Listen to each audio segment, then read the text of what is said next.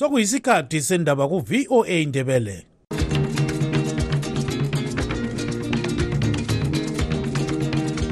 amatshono zihlobo siyalamukela kuhlelo lwethu lwezindaba eziphathelane lezimbabwe. Kustudio 7 eye voice of america sisakaza sisewashington dc olamukela ngenjabulo kustudio 7 ngesonto mhla ka-14 kuzibandlela. 2024 ngogibbs dube endabeni zethu lamhlanje. Lokhu kuyinto ebuhlungu ngoba ukhetho lwabantu soluphelele emakhoti izikhalazo zabantu seziphelele emakhoti kumele ziphelele ephalamende.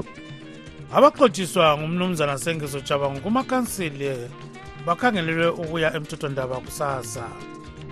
Kulama-councillors aseharare ian makoni labanye abahamba enkantolo besithi bona indlela abaqotshwe ngayo ephathini kayisondlela efaneleyo njalo ukhetho lolo olubuyayo akumelanga lube khona ngenxa yokuthi indlela abaqotshwa ngayo ayisiyo ndlela efaneleyo. Iqoda likajabangu lithi baningi abahambise ujabangu emthethwandaba. Abatsha bakhala ngokungaphiwa izikwelede zokusungula lokuthuthukisa amabhizimusi zalethulela ezabatsha lezokholo lwesikristu zonke lezi ndaba lezinye lizozizwa kulo msakazo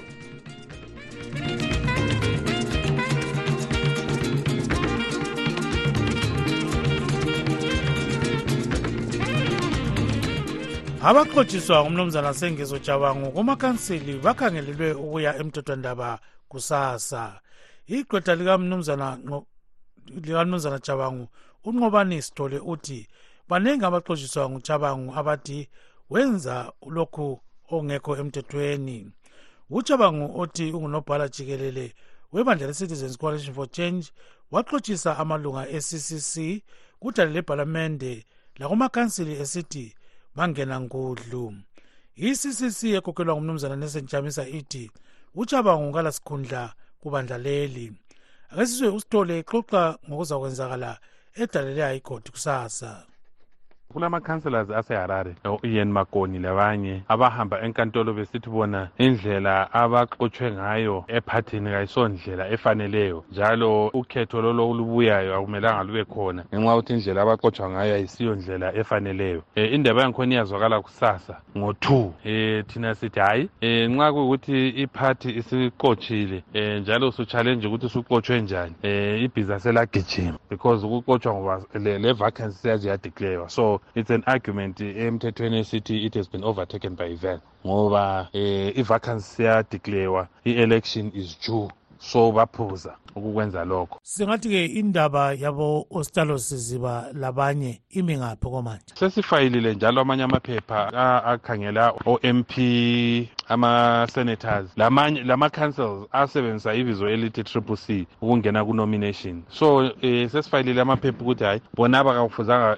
amabizo ababe khona ku-ballot paper njengokwayenzakala kulani ama-first records ayenzakalayo. Um so in, in, in short ukuthi i-litigation yona ngokwayo sesikhuluma iqiniso in this particular case or cases. Ayisonto engancedisa. Into engancedisa ukuthi abantu bephathinye bahlale phansi balungisise ama-differences. Kodwa uzathola ukuthi um abantu babe enjoya kulabanye ababa ngama-casualities um belokhu beqotshwe ephathini kusiyenza kusenza kusiba njalo umnumzana nqobani sithole ligqwetha likamnumzana sengezojabangu kasenelisanga ukuxoxa ngodaba lolu lo mnumzana gift ostalos ziba labanye bakhe abalakho ukuvinjwa nguchabangu sixoxe lo mnumzana bashiwo sibanda wayemele icultubark edale lephalamende wavinjwa nguchabangu ukuba angene kukhetho olwaqhutshwa ngumpalakazi lokhu kuyinto ebuhlungu ngoba ukhetho lwabantu soluphelele emakhoti izikhalazo zabantu seziphelele emakhoti kumele ziphelele ephalamende. Uzakhumbula ukuthi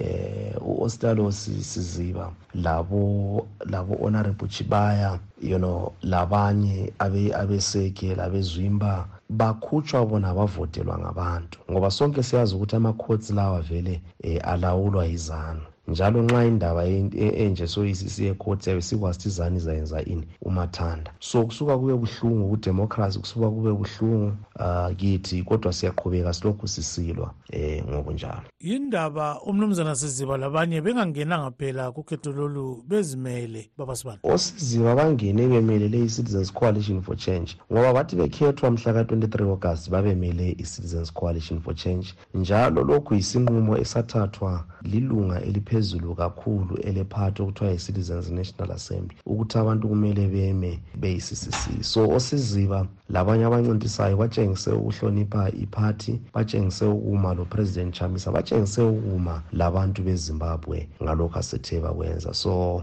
asonto eyaba liphutha kumbe yenziwa ngemistake hhayi yinto ebalulekileyo eyenziwa kakuhle. So sikhanyelela ukuthi hhayi nxa ungahamba kuhle bencintise beyi-citizens coalition for change babuyele ephalamende. Kutshoni kuwe baba sibanda njengoba wena ngomunye walabo abavinjwa ngumnumzana sengezo jabango kimi awuzange kunyethuse ngoba mna ngangihlezi ngisaziwe ukuthi no ngiyalwiswa siyalwiswa silibandla. Uzakhumbula ukuthi thina vele i-election leli elika-23 agasti 2023 asizange sivumelane le mpumela yalo. Ngoba eh kulobugwelegwele obenziwayo impumela kayiphumanga kahle. Eh upresident advocate Nelson Chamisa wanqoba uEmerson Dambuza Mnangagwa kodwa ke akasagcotshwanga ngendlela eyiyo. Istruggle sethu ukulwa kwethu bekungeke eparliament kakhulu but besulwela ukuthi eh iZimbabwe ibe sebantwini ithathwe. Ngoba athe silizwe selisemakhoti ilizwe selisemabharakini ilizwe lisebantwini abalutshwana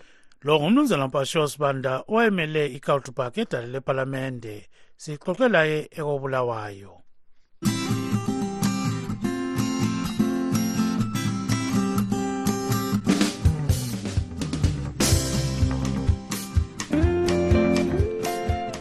abatsha bathi kabayitholi imali enikwa ngamabhanga adlelana lohulumende lamanye eyokusungula lokuthuthukisa amabhizimusi. Bathi kukhanya engazani imali iphiwa abasekela ibandla lezanu p f hathi abaphikisayo. Omunye wabakhonona ngokuswelakala kwezikwelede ngunumzana decent collins bajila omele iluveve emakhandeni edala lephalamende. Umnotho welizwe awumanga kahle. Abantu abatsha abafundile bahambile ezikolo balalo ulwazi olungabathuthukisa kodwa ayikho imali. Nasemabhenki imali ayitholakali. Iningi layo ngedinga ukuthi kube lesibambiso i-collateral ngesilungu abantu abatsha kabanayo. Kathesi lezinye inhlanganiso ezingabe zikhona zikweledisa imali eh lazo zingathi zimile ngoba azikhanyi akukhanyi ukuthi umnotho ume ngaphi njalo uqoqe ngaphi. Abantu abatsha kabalandlela zokuthola izimali zokuthi basungule amabhizinisi bazimele bodwa. Ye sijala ukuzwa kuthiwa bahambe emabhanga baye ngaphi ngaphi sokule youth lokhu lalokhu. Akusebenzi kathi khonokho ikhona i-empower bank kodwa imali ephuma e-empower bank iphuma iningi layo iyimali yakulona leli lizwe eh njalo ukuthi itholakale kuthola abantu abalutshwana kakhulu. Kulamahungahunga futhi athi imali le ingathi itholakala ngokuthi abantu eh babe lehlangothi lezombusazwe kube kanti abantu abatsha badinga ukuthi imali beyithole kungenani lokuthi kwezombusazwe banakanani. Wona lawo mahungahunga sisawacubungula sikhangelele ukuthi ikomiti lephalamende elikhangele ngezabatsha lizasinika iripoti yokuthi kungabe kuliqiniso na ukuthi imali le iphiwa abantu bona labo abalutshwana abaphiwayo bayiphiwa kukhangelelwe uhlangothi lwezombusazwe abakulo. Kodwa sizwe ngazani kuthiwa-ke abatsha bayehluleka lokwenza lokhu kuthiwa ngama-project proposal? Yinko bengatholi imali le? Ngabe kuliqiniso khonokho akulona iqiniso. Abantu abatsha basezimbabwe lokho okwenza ama-project proposal yikho abakwaziyo abakufundeleyo iningi labo. Yikho sibona nxa bethe benelisa ukuya kwamanye amazwe kusiba lula kakhulu ukuthi bathole imisebenzi. Kusiba lula kakhulu ukuthi yonale imisebenzi yokubhala ama-project proposal bayithole. Akungeke kwaba liqiniso ukuthi abantu abenelisa ukubhala ama-project proposal umhlaba wonke kodwa nxa kuthiwa bebhale i-project proposal yebhanga lasezimbabwe kuyabe silula angeke kwaba liqiniso lokho abantu abatsha bayenelisa ukubhala ama-project proposal. Ye kuthiwa abanye abayitholayo bahle beyitshayele esikhewini bayijayiva sibili umuntu akholise azidlele. Liqiniso lokho? Kakhulu kakhulu. Lokho kuyatholakala endaweni eziningi abanye badinga imali bethi ufisa ukuthi aye yenza ibhizinisi mhlawumbe lokulima abe sethola ukuthi okuyikho kuletha imali masinyane iphenduke yikuthi athenge i-honda fit abe le-tax achovise etawuni um abe sesenza njalo iningi laleyo mali abe seyitshayela esikhewini. Abanye njalo futhi siyasiza amahungahunga okuthi usayithathe injalo iyimali ayelobola. Um imali elotsholwe esebenza ukulobola. Ayiphenduzi bese kusenza ukuthi angenelisi ukubhadala ebuyisele ebhange. Khona lokho ngokunye kwezinto esake sizizwe. Sikhangelele ukuthi um abe-youth fund abe-empower bank um bazancedisa ikomiti lephalamende elikhangele ngezabatsha kuma-investigations endaba ezinjalo. Umnumzana decent collins bajila ngomele iluveve emagandeni edale lepalamente sixoxe njalo ngodaba lolu lomnumzana malaki nkomo okubandla lezanu p f. Abantu bakwazi ukuthi izimali lezi uma beziphiwa awuphonge uholiswa njengomuntu uthi uyaholiswa imali. Kuba nemithetho eminye ekhona engathi sizoba ngisiyodinga imali kuyukuthi kule mhlelo eziphiwa nguhulumende kufunakala imali. Kukhona enye okufana ukuthi umuntu akugcwalise ukwenzela ukuthi kubonakala ukuthi ngempelampela ngumuntu ofuna imali yokuthi usebenze abaningi bazafuna ukuthi khona funa imali kahulumende ngifuna ukuthi ngenze umhlelo akayenzi le proposal akele iphepha wethu yokuthi lo muntu kuwenza lokho nalo lapha ngizama ukuthi bakuzisiyanisa abantu. Uma sewenza iprojekthi yakho ikhanya abamabhenki nalaba abasekezemali yibo abakuhluzisisayo izamthetho iyabe ingasekho khonapho. Abantu abaningi bathi sowunomthetho oyiwo olawulayo ukuthi wena nxa ufuna imali yokuthi wenze lokho kufanele ukuthi igcwalise lutho okufunakalayo so abantu balofuna kube ngama-shortcut akungeke kube nama-shortcut ezintweni ezintweni ezama-policy. Kuyafanele ukuthi umuntu wonke angene ngendlela yona leyo. Njalo nje angaze ngizwe nokuthi ama-banks bathi abakule fono ebhalisela indicate ye-political party alikho indicate ukuthi uyayenze bavele usiya ngaphi kuthi bani kuyiphi indawo uyenze ukuthi uqualify ukuthi uthole imali ukuze ube lohlelo lwakho luhle ukuthi uhulumende akunika imali kumele wenzeni ukuloba lokho kuthiwa yi-project proposal? Uqala ngaphi kusiya ngaphi? Ya ngibona ngani ikhona phana kuma njengoba ngitshela ukuthi kule kulesebenzi kahulumende indawo indawo yonke okuyikubana ngabe kune-project ethize oyifunayo ngaba yi-farming ukuthi ufuna yenze i-farming kumbe ufuna yenze i-mining kulama-ministries avele ekhona okuthi ungahamba khona ngale kuneminisi ezikhona ezicebisa abantu ukuthi ngafuna ukuthi ubhale iproposal ikhona nele mining uyenza lokhu nalokhu nalokhu ngingafuna ukuthi ubhale iproposal ikhona ne-farming uyenza lokhu nalokhu so ngaleyo ndlela mboni kami abantu kabasebenze ingathi imisebenzi kahulumende ezikhona endaweni yawo yabo futhi eminye into into angayenza iyodinga abantu abakufundelayo ukuthi benze ama-business proposal program ukuthi kungathi-license ukuthi wena na ufikile lapha uthi ukuthi kade ngikwenza lokhu nalokhu bazawucebisa uwenze ukuthi into yakho iphume ibe sobala. Asithi-ke suyitholile imali. Pho kumele abantu bayibambe njani? Imali leyo yabe suyitholile phela abanye bayayijayiva abanye uzokuthiwa-ke sebhadala amalobolo kumbe into ezinjalo. Yikho phela lapha kisetsho khona ukuthi kuyafanele ube lolwazi angithi lapana kufomulana yatsho ukuthi imali ezayibhadala njani. Suwaqinisa emuntwini emphelele ngawuzahamba ebhenki. Uyothatha imali usuyoyijayiva umbuye lobola ngayo ayisiso sizatho njalo kufoni yakho yakuyisayinile kuyabe kungekho konke khona kuyasho ukuthi wena imali leyi uyithatha iyimali enjala ukhanele ukuthi ngenyanga after six months ngithenze imali enjala ngiyabhadala ama-interest ami kumbe ngiyabhadala engu-owayo kulabo abamboleke imali ngemali enjalo khona kodwa kuyatsho yikho sikhona abantu abakuqala izicepeza ungakayithatha imali. Yona ukuthi baze bakuphe indlela yokuthi nansi imali bazelandela i-business proposal uyabe uyifake etafuleni. Kodwa ngazuzathatha imali liyana uyeyidla ansekuyibula lokuyana. Njalo nje kuyabe sofuna ukuthi emuntwini ohlakaniphileyo um ukwazi ukuthi ulakho ukuthi ungabothiswa laphana ngokuthatha uwehlule ukubhadala imali zana imali zana ngezokuthi zikhiphe kuhle uyibisela emuva lapho uthethe khona ukwenza ukuthi abanye labo bayithathe lo ngumnumzana malaki inkomo okubandla lezanu p f sixoxela i-sa insiza esabelweni sematebeleni south.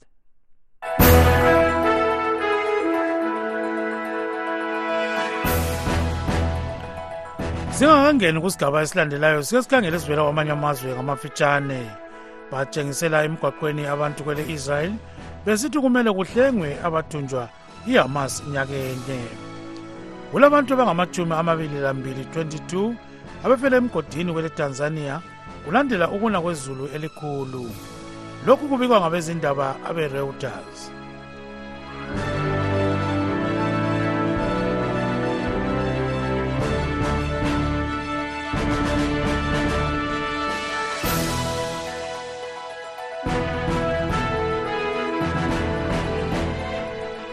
Okwamanje sokuyisikhathi sezokholo lwesikristu.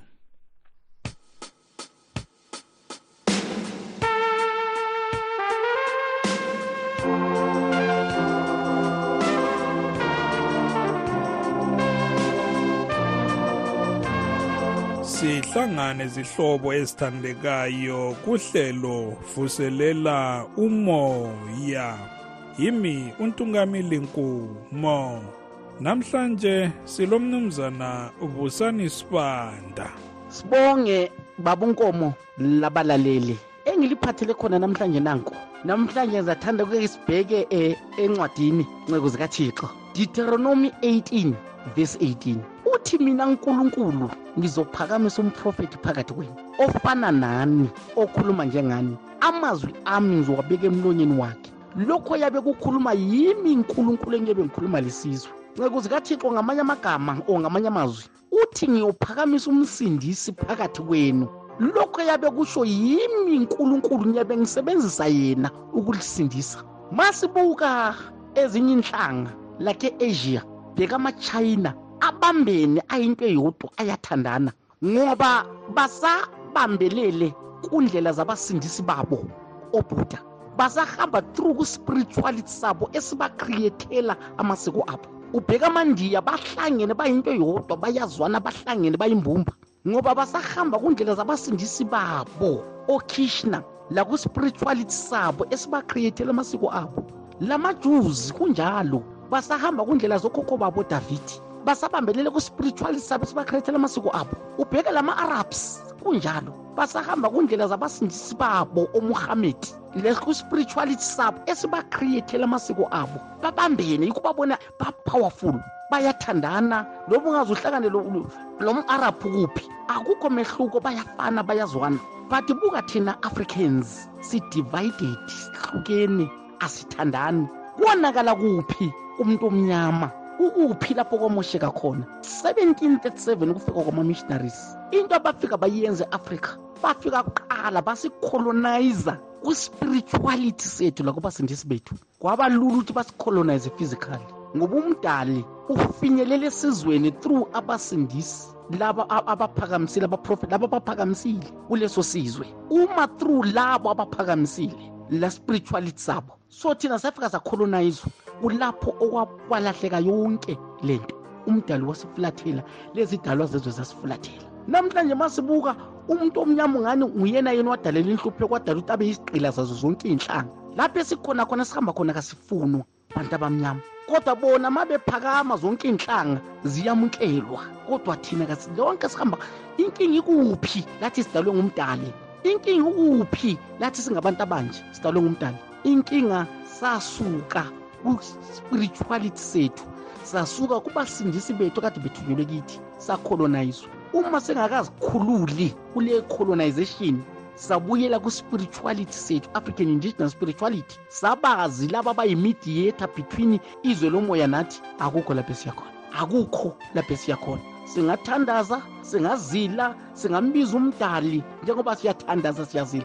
Kodwa umuntu omnyama kayindawo umuntu omnyama sihlukanisiwe nomdali through ama-colonizers. Sisa-anti-colonization ku-spirituality sethu uma singakhulula or sizikhulule sibuyele ku-spirituality sethu ngendlela okho kade beyiyo ngoba kade be-powerful. Lathi siyobuyela sibe powerful. Sifanele ezinye inhlanga. Lathi siyobuyela ezinye inhlanga zikwazi ukusihlonipha. Njengoba lathi sihloniphe ezinye inhlanga sibonke fihlo engunaphakathi emfihlo yokhokho. Babe-powerful okhokho ngoba babexhumene nawe babeyazi i-hierarchy. Babebazi abasindisi babo abathunyelwe kubo babebembelele ku-spirituality sabe sasibakriyethela amasiko abo. Yikho babe-powerful saphuma dali through ama-colonizers. Sisacolonizekile emoyeni. Asikho free emoyeni. Uma sasikhulula sabuyela lathi siyobuyela sibe powerful sihlonishwe umhlaba wonke njengezinye inhlanga. Singake siphinde sibe isigqila zezinye inhlanga. Sibonge sithi zulu. Lolo bekuluhlelo vuselela umoya. Silomnumzana busani sibanda. Thiyani indlebe njalo kuhlelo lunye ngeviki ezayo. Lilami untungamili nkumo. Siyabonga kakhulu ntukameli nkomo. Sike sizwe ezabatsha.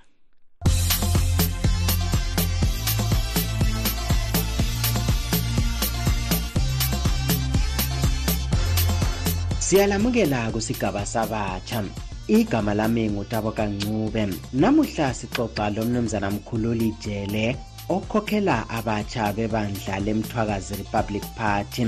Siqale ngokumbuza ukuthi kuyini okwamenza wangena kwezombusazwe ekukhuleni kwami kangizange ngibe leqiniso lokuthi ngifuna ukuba yi-politician. Kodwa engingakutsho ukuthi bengingumuntu othanda ukubala kakhulu lamanje ukubala ngiyakuthanda kakhulu kakhulu. Into eyiyo engenze ngagcina ngisiba ku-politics yikuthi ma ngihamba kuyo yonke inkinga engihlangana layo ma ngizibuza ukuthi kanti ngaba phakathi kwenkinga enje? Impendulo yami ingikhomba ukuthi inkinga le imbangela yenkinga yami yi-politics. Yikho okugcine kungenza ukuthi ngigcine ngisiba phakathi kwe-politics ngoba ngifuna ukuxazulula izinkinga engiphakathi kwazo. Kungasinkinga ezihlupha mina ngedwa kodwa kuzinkinga engizibona zihlukumeza wonke muntu eh omutsha lomdala wasemathebeleland komthwakazi.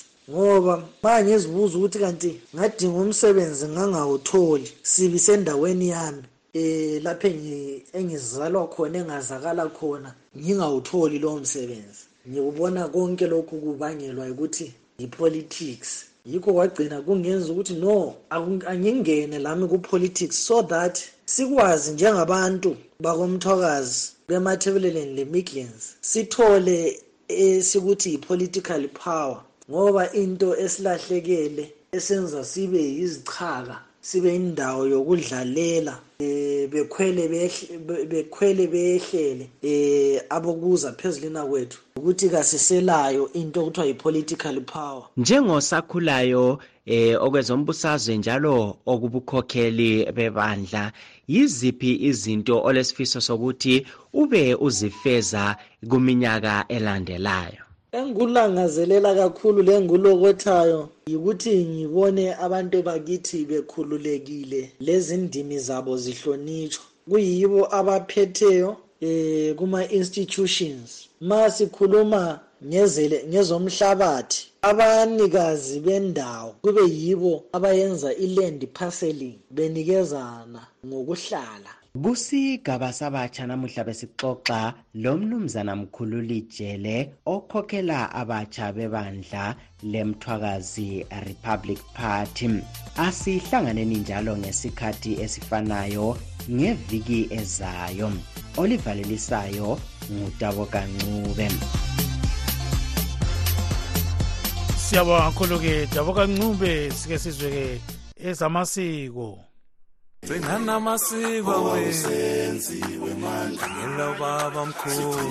Kwezamasiko lokuphila kwabantu nsuku zonke sixoxa namhlanje lo mnumzana mbuso ngwenya ingcwethi kwezamasiko esintu. Sikhangela-ke lokho kuzakwenzakala lo nyaka ngesikhathi kunanzwa ezamasiko. Ake sizwe ukuthi ungwenya uthini ngodaba lolu? Ngiyabingelela babudube ngibingelela um abasakazi bethu bonke ngiphinde ngibingelele nabalaleli bethu um beyomsakazi wethu westudio seven.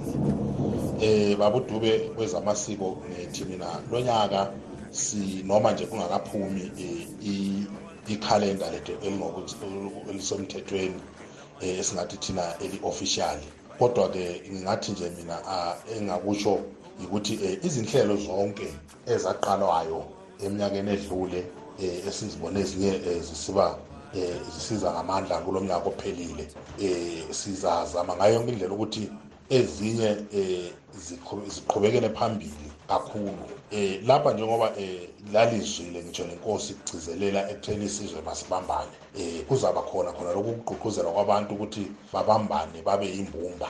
Eh okukhulu futhi esikugcizelelayo ukuthi abantu bengazikhohlwa ukuthi bangobani. Eh ngokugcina amasiko enu lokho kwenzwa kwenza lingazikhohlwa ukuthi lingobani. Lokho kubizwa kuthiwa i-identity. Yilokho esizokugqugquzela ukuthi abantu bakithi um baqhubeke futhi um bekwenza ngokubambana njengezinye izizwe. Ye okunye-ke baba ngwenya ubona ngazane kuyini ongabe kuzayenziwa lo nyaka? Kuba yimikhosi le esinokuba layo lapho kuhlanganiswa khona isizwe sibizele ndawonye um kukhulunywe kakhulu ngembali yesizwe sakithi um ngobuhlakani um bamakhosi akithi um ngezibindi nobuqhawe um bamaqhawe akithi ayengamabutho ayevikela isizwe bezidela izimpilo zabo. kwezamasiko namhla ke sixoxa lo mnumzana mbuso ngwenya ingcwethi kwezamasiko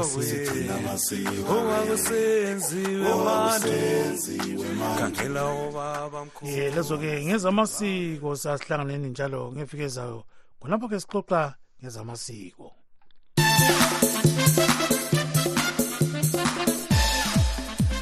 Kwezemidlalo iqembu lenigeria libe ngutshikilo bhanqa 1-1 lele equatorial guinea emdlalweni wesibili owe-africa cup of nations odlalwe namhla kwele-ivory coast ele-mozambique linqikelana kwamanje lele-egypt kusenjalo iqembu lesenegal elizadibana legambia liqala kusasa umkankaso walo wokuvikela isicoco se-africa cup of nations.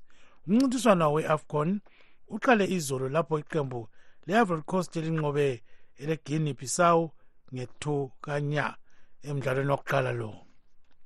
Akulabaningi abakhangeleleyo ukuba uzakwenza izimanga umdlali olodumo usadio mane labanye bakhe emdlalweni omelelwe ngabantu abaningi. Osakhulayo olandela imidlalo le uquincy phakathi. Uthi ukhangelele ukuba iqembu lesenegal lizitholele kalula imiklomelo emithathu emdlalweni walo wakuqala owesibaya sikagroup c. Senegal usazigambia hayi igambia phela nje iyimelele isenegal.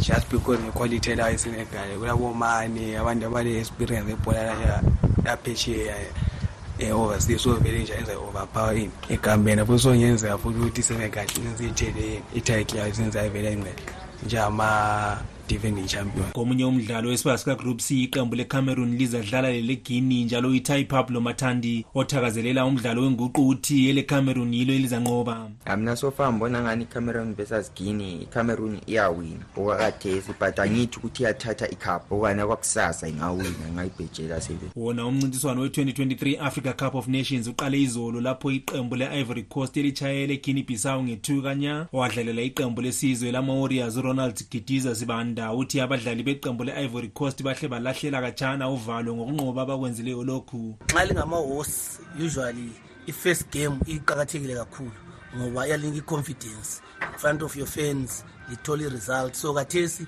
batholile i-three points going to the next game confidence is high and uh, badlale kuhle and they deserve to win ekugcineni igame yani ibingeyabo so i think uh, for them i-advantage ngoba three points and they're at home ama-fans abekhona so advantage to them. Wadlalela iqembu labesifazane le-mighty warriors unokuthula maron dlovu laye uthi ukunqoba kweqembu le-ivory coast emdlalweni wokuqala kuzakhuthaza labalandeli bomdlalo wenguqu kulelo lizwe. Ukuthi ama-west wine the first match kuqakathekile kakhulu. Kuyabanika i-confidence yokuthi they can win the cup. Then lama-supporters ku-country yabo baba lamandla okuthi behambe beyabasapota everyday nxa bedlala igame. Basebelethemba lokuthi each and every game abayidlalayo yiwini umqeqeshi weqembu leshesham ulizwe sweswe uthi kusasemasinya ukuba kuhle kuthiwe iqembu le-ivory coast lingaphakamisa inkezo ngoba kulamaqembu angelandumela asengabuchitha bugayiwe. Mbonani kuzaba lama-surprises especially ngama-team wona la sicabanga ukuthi mancane. Onamibia bonaba bayenza kahle nabotanzania benza kahle. Um ngithande khona lokhu ukuthi ibhora selidevelophe laze lafika kuma-countries amancane and ama-coaches asefunde azafika um kwisteji sokuthi eh bazilinganise lama big countries wona la kumbe into ama heavyweights awebhola umlandeli weqembu le-highlanders unhlanhla mchinda moyo laye uthi ukudlala kweqembu le-ivory coast kumenze wakholwa ukuba leli qembu lingayiphakamisa inkezo ye-afcon. Mina mbona ingathi i-ivory coast izaqhubeka idlala kahle kakhulu. Nxa ngithi ngiyakhangela mina ibingakahlangani kahle kodwa idlale kahle kakhulu. Why ngisitsho njalo ngoba ngiyakhangela ukuthi ucaptain wayo usejuria ungene elisabo usebastian hill bengekho lokutsho ukuthi ma isihlanganisiwe next game izabe si-improve sokungenzeka ukuthi iphakamise inkezo ngoba sofa iteam emboni ingani ingabhalansana layo kakhulu. Sokuphambili kungaba maybe isenegal le-egypt. Kule midlalo emibili namhla yesibaya sikagroup b lapho iqembu le-egypt elidlala khona lele mozambique kuthi eleghana lizadlala lele cape verde ebusuku. Imidlalo le ikhangelelwe ukuba izacitshwa mhla ka-11 nhlolanja ngiyimele istudio 7 kobulawayo ngingujoseph njanji sibonga kakhulu-ke njanji siligqiba lapha uhlelo lwethu lwamhlanje oluvelise ngenjabulo ngumthembo osithembayo ugibbs dube. Lilale